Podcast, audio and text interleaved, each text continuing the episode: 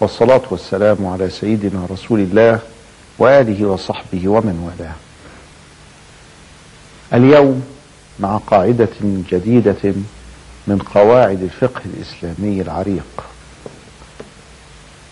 يقول الفقهاء فيها إن الحاجة تنزل منزلة الضرورة عامة كانت أو خاصة. فالحاجة العامة أي التي تعم كل الناس والحاجة الخاصة هي التي تخص طائفة دون طائفة. العامة مثل احتياج الناس إلى الإيجار. دائما في عقود المعاوضات العقود التي نسميها عقود المعاوضات أي أن هناك تبادلا بين اثنين.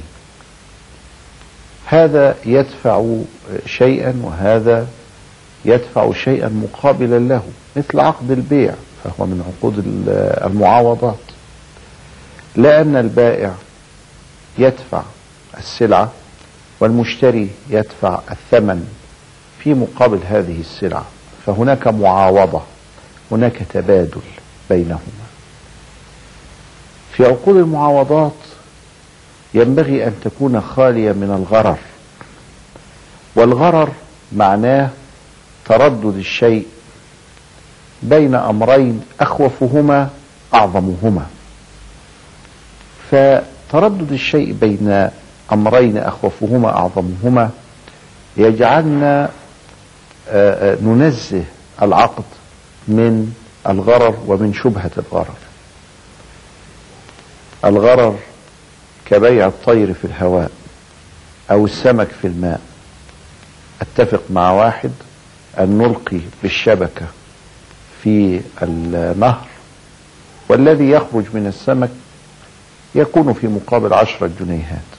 فقد يخرج بمئة وقد لا يخرج شيء فيكون هذا غررا العقود دائما نحاول أن نبرئها من الغرر ولكن عقد الإيجار عقد فيه غرر لأن الإنسان الذي يريد أن يستأجر بيتا فإنه يريد أن ينتفع بهذا البيت لمدة شهر قادم. هذه المنفعة ليست موجودة الآن. ولا أعرف إذا ما كنت سأحصلها على الوجه الذي ينبغي أو لا. وهنا يأتي غرر في الإيجار. إلا أن حاجة الناس إليه قد جوزت هذا العقد فأباح رسول الله صلى الله عليه وسلم الإيجار على سبيل الرخصة. كذلك هناك عقود التوريدات أدفع الآن نقودا ثم بعد ذلك أستلم السلعة التي قد اتفقنا عليها ووصفناها وصفا تاما.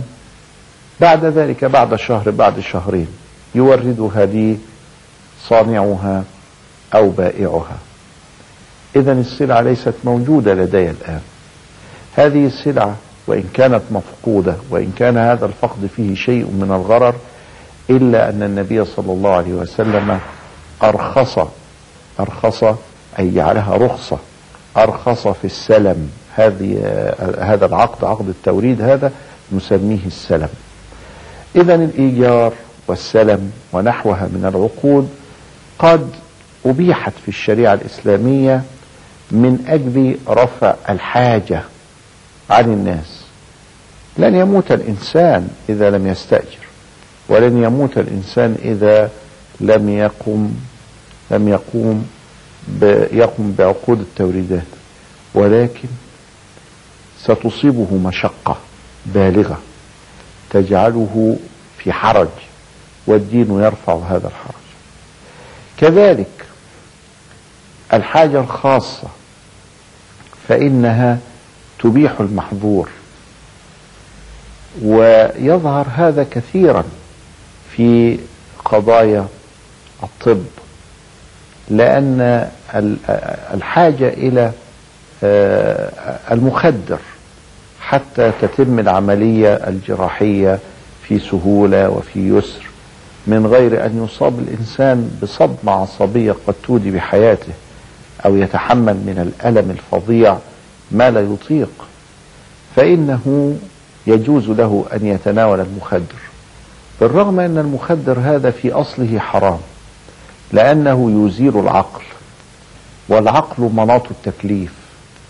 التكليف متعلق بالعقل فلا بد أن يكون الإنسان المسلم واعيا لأمور عمارة الدنيا وعبادة الله سبحانه وتعالى. ومن أجل ذلك كانت المحافظة على العقل من أهم المقاصد التي راعاها الشارع وأمر بها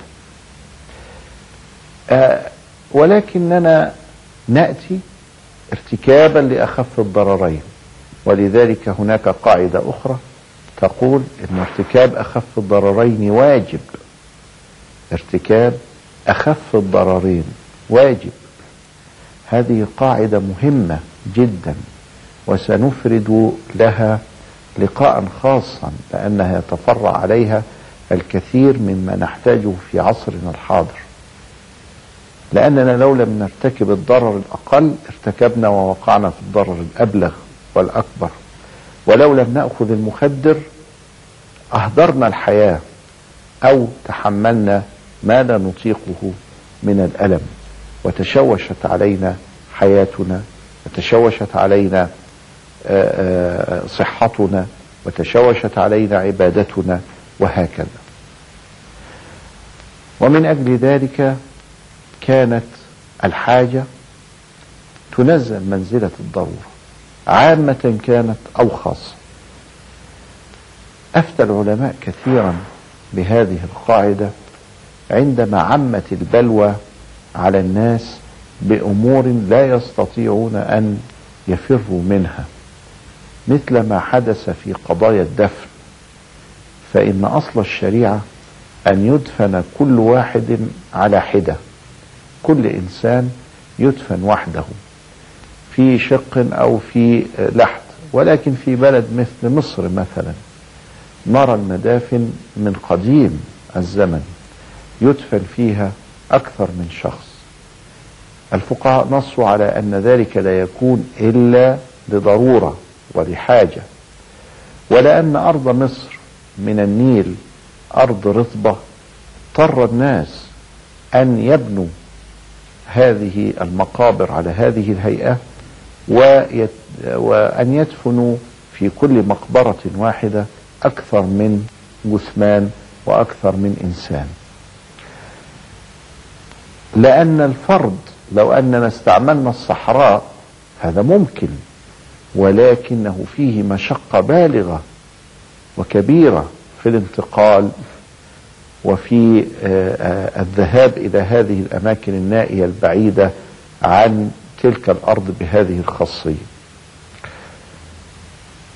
فأفتى العلماء بجواز ذلك لا لأن أصل الدين يأمر بذلك لا ولكن لأن هذه الحالة حالة خاصة ينبغي أن نراعيها وينبغي أن نفتي الناس بما يسهل عليهم أمر دينهم. فالحاجة وهي إذا لم يتناولها الإنسان أصابته مشقة كما ذكرنا قبل ذلك. الحاجة تنزل منزلة الضرورة وهي التي إذا ما لم يتناولها الإنسان هلك أو قارب على الهلاك. سواء أكانت هذه الحاجة عامة أي في كل الأشخاص أو في كل زمان أو في كل مكان أو في كل الأحوال أو كانت خاصة بزمان معين أو مكان معين أو أشخاص معينين أو حالة معينة. وإلى لقاء آخر في حلقة أخرى أستودعكم الله والسلام عليكم ورحمة الله وبركاته.